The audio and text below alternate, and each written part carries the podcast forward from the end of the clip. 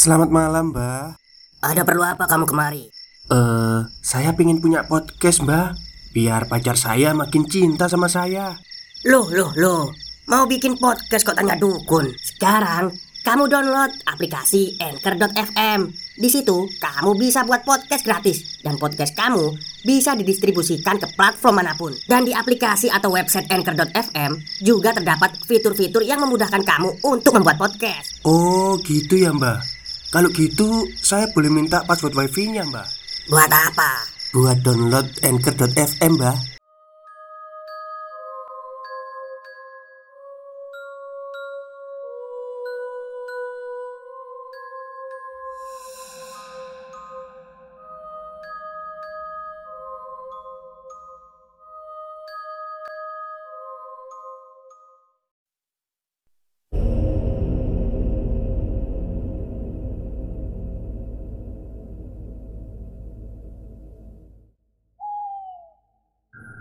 Assalamualaikum warahmatullahi wabarakatuh. Halo semuanya, jumpa lagi dengan saya Chow Sing Sing Kurator dari Podcast Horror Night Story. Halo, apa kabar semuanya? Semoga kalian semua sehat-sehat saja ya. Dan seperti biasanya pada malam hari ini saya kembali dan akan membawakan sebuah kisah mistis untuk kalian semua. Kisah mistis kali ini datang dari email dari Mas Danton AXL. Wah, saya sudah lama ini nggak menceritakan ceritanya Mas Danton. Udah lama juga dia nggak ngirim ya. Dan sebelumnya bagi yang belum tahu atau suka dengan musik ajeb-ajeb bergenre diskotik Silakan kunjungi YouTube-nya Mas Danton ya Ketik aja Danton AXL nanti keluar. Atau kalau masih bingung bisa lihat di link deskripsi saya Nanti saya sertakan di sana. Oke, daripada kita berlama-lama Mari kita simak ceritanya Selamat malam Mr. Chow Sing Sing Kita bertemu lagi dalam sebuah tulisan Pada malam hari ini Saya akan bercerita lagi Tentang suatu kisah horor. Namun Untuk cerita pada malam ini Bukan cerita pengalaman saya Tetapi pengalaman horor salah satu kenalan saya Yang bekerja di sebuah eksekutif karaoke di kota Bandung Pada tahun 2015 yang lalu.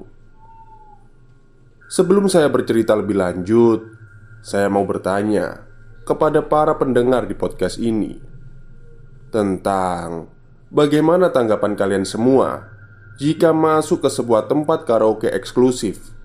Apakah menyenangkan? Tapi bukan semua itu yang akan saya bahas sekarang. Ini tentang sebuah cerita tentang sisi lain dari sebuah tempat hiburan malam. Namanya Femi. Dia adalah seorang kenalanku yang saya kenal karena pekerjaan. Dia itu adalah seorang papi, alias orang yang mengurus dan menaungi para LC dan PL di sebuah klub di Jalan Braga, Bandung. Jadi, seperti yang saya jelaskan di cerita sebelumnya, kalau sebuah klub itu biasanya terdiri dari beberapa venue hiburan malam, satu gedung, dan satu manajemen yang biasanya terdiri dari diskotik. Ada lounge, karaoke, spa, dan hotel. Jadi, saya bertemu dengan dia itu ketika saya mengisi event untuk nge-DJ di klub tempat dia bekerja. Cerita ini berlatar belakang pada tahun 2015 Pada sore itu Saya harus datang ke klub Untuk menghadiri briefing Tentang penjadwalan acara di klub seminggu ke depan Di dalam rapat tersebut Dihadiri oleh beberapa perwakilan event organizer DJ Termasuk saya sendiri Yang merupakan salah satu perwakilan I.O. saya kami semua rapat di salah satu room karaoke. Tidak seperti room karaoke di family karaoke yang sederhana dan sempit, Berhubung ini adalah eksekutif karaoke, jadi roomnya itu berukuran cukup luas dan terdiri dari sofa yang cukup luas, ada beberapa kursi dan meja bar, serta ada meja biliar, toilet, dan kamar. Pokoknya, ruangan karaoke-nya hampir seukuran dengan rumah saya. Pada briefing yang diadakan di room karaoke itu, malam itu saya duduk di sofa bersama Femi, yang kebetulan sudah saya kenal sebelumnya. Di dalam sela-sela rapat di ruangan karaoke yang cukup besar dengan penerangan yang agak redup itu, dari kegelapan mata, saya melihat seorang perempuan bergaun merah yang sedang duduk membelakangi kami semua di kursi bar yang terletak di samping sofa.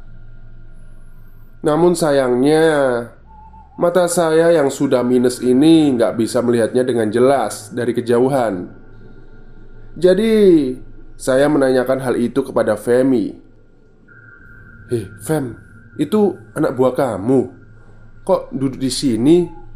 Bukannya seharusnya jam segini itu duduknya di ruang tunggu ya?" "Hah? Nggak ada," Mana ada, di ruangan ini cuma ada pihak IO aja kok. Jawab Femi sambil meminum birnya. Lalu, saya pun menengokkan kepalanya dengan tangan saya. Sambil menunjuk dengan tangan saya. Kamu nggak lihat? Itu tuh, tuh ceweknya dari tadi duduk di sana.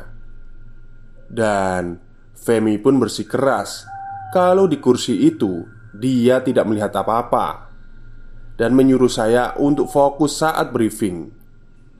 Dan baru pada saat briefing selesai, saya mau beranjak pulang. Femi pun mengajak saya untuk duduk di bar dulu. Dan di sana, Femi menceritakan sebuah kisah yang akan saya ceritakan pada malam hari ini. Ceritanya pada suatu malam, di saat Femi ini sedang bekerja di klub malam tersebut. Venue karaoke di klub itu kedatangan serombongan tamu-tamu berdasi yang hendak menyewa sebuah ruangan VIP di tempat karaoke itu. Setelahnya, para tamu tersebut masuk ke room VIP yang disewa untuk malam itu. Dan tibalah saat Femi untuk menunjukkan fashion dari para anak buahnya di depan para tamu di room karaoke itu. Fashion adalah suatu istilah perkenalan para LC dan PL kepada para tamu di mana para LC dan PL pada saat fashion tersebut akan berbaris sesuai nomor yang ditempelkan di baju mereka. Lalu mereka satu persatu akan berjalan bagaikan model di depan sofa tempat para tamu duduk untuk memperkenalkan diri mereka. Dan setelah acara fashion itu barulah Para tamu karaoke akan memilih LC dan PL Mana saja yang akan menemani karaoke mereka pada malam hari itu.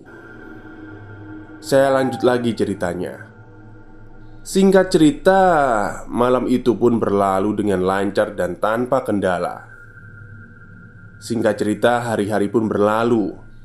Dan pada suatu malam Ketika Femi sedang bekerja Femi mendapatkan panggilan telepon dari beberapa tamu yang menyewa room VIP di minggu kemarin.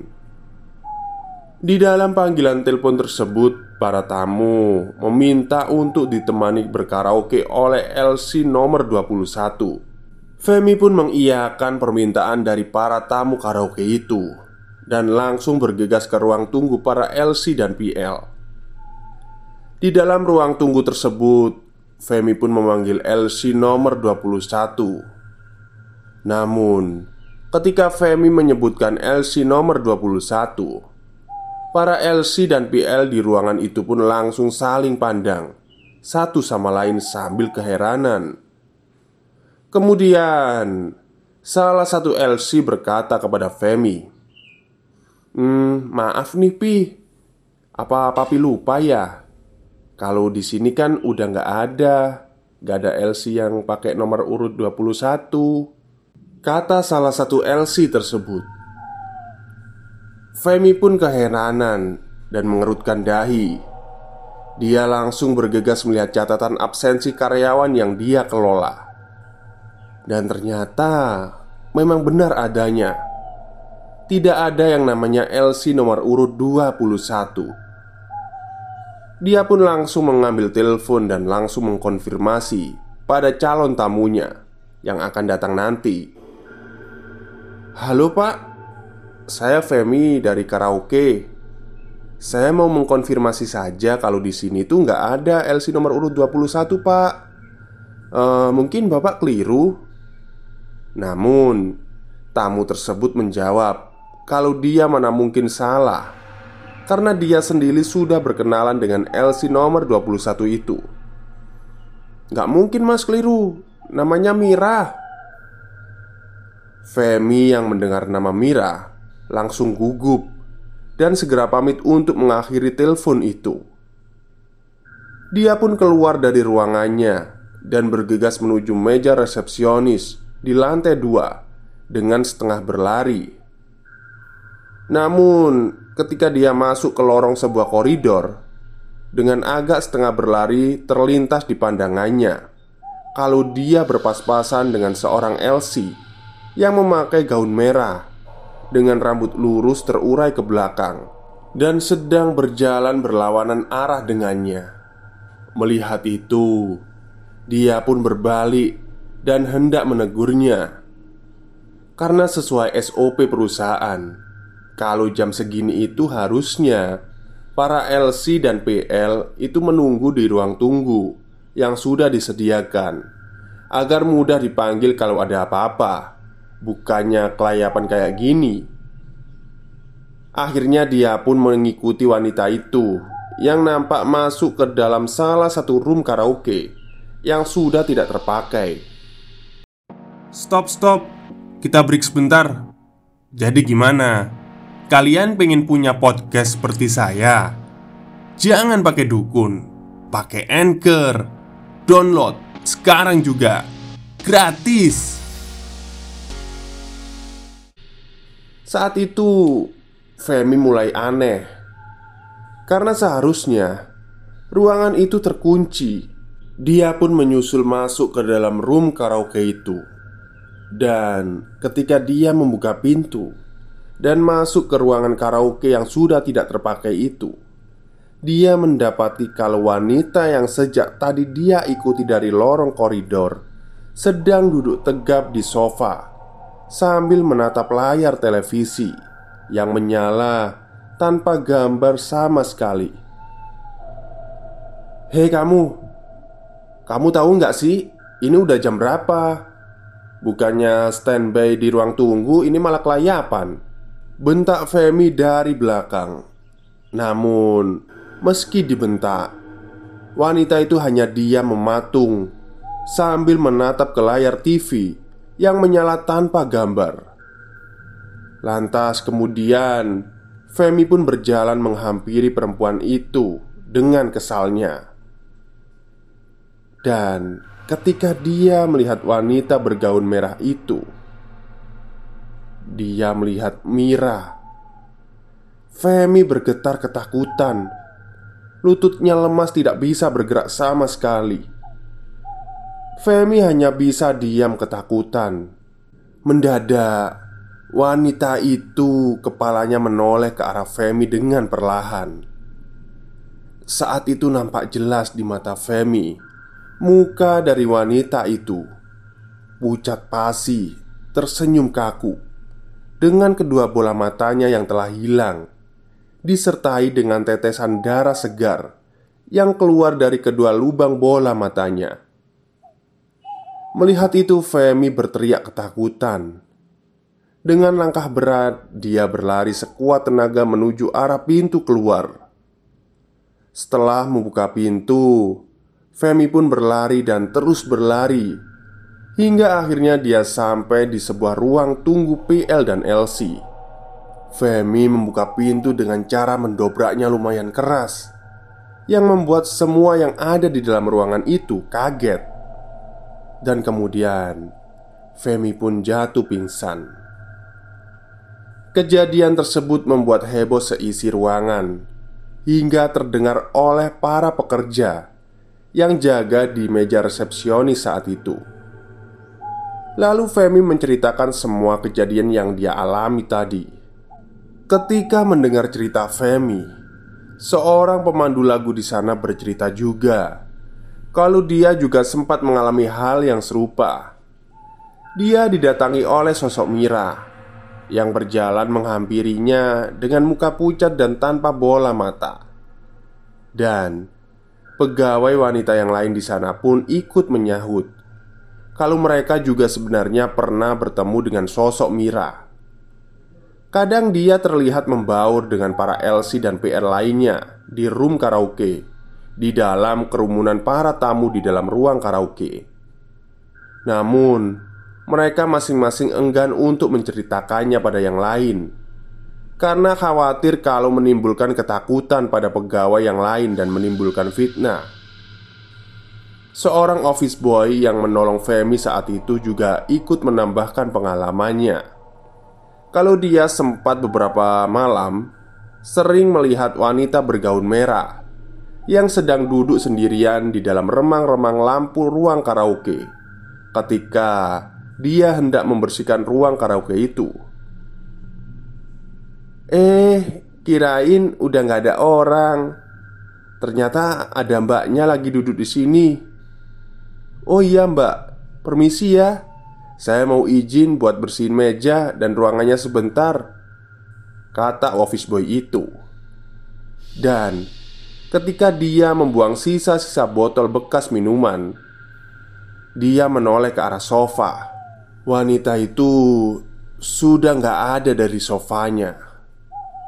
Dia bahkan sering melihat wanita bergaun merah itu bolak-balik di sebuah lorong koridor ketika menjelang klub sudah mau tutup dan dibersihkan.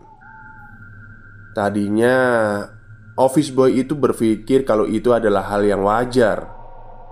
Hingga suatu malam, office boy itu menemukan sebuah bola mata yang menggelinding ketika dia menyapu salah satu ruang karaoke.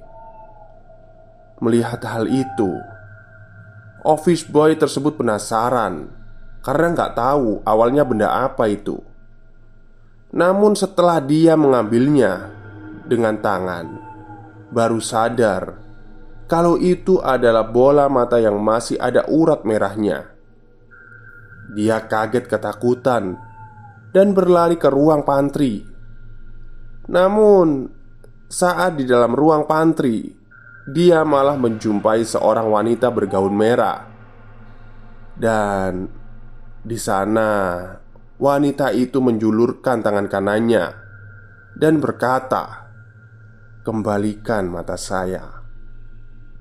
Saat office boy itu melihat ke arah muka dari wanita bergaun merah itu, ia mendapati wanita itu sedang tersenyum kaku tanpa kedua bola matanya.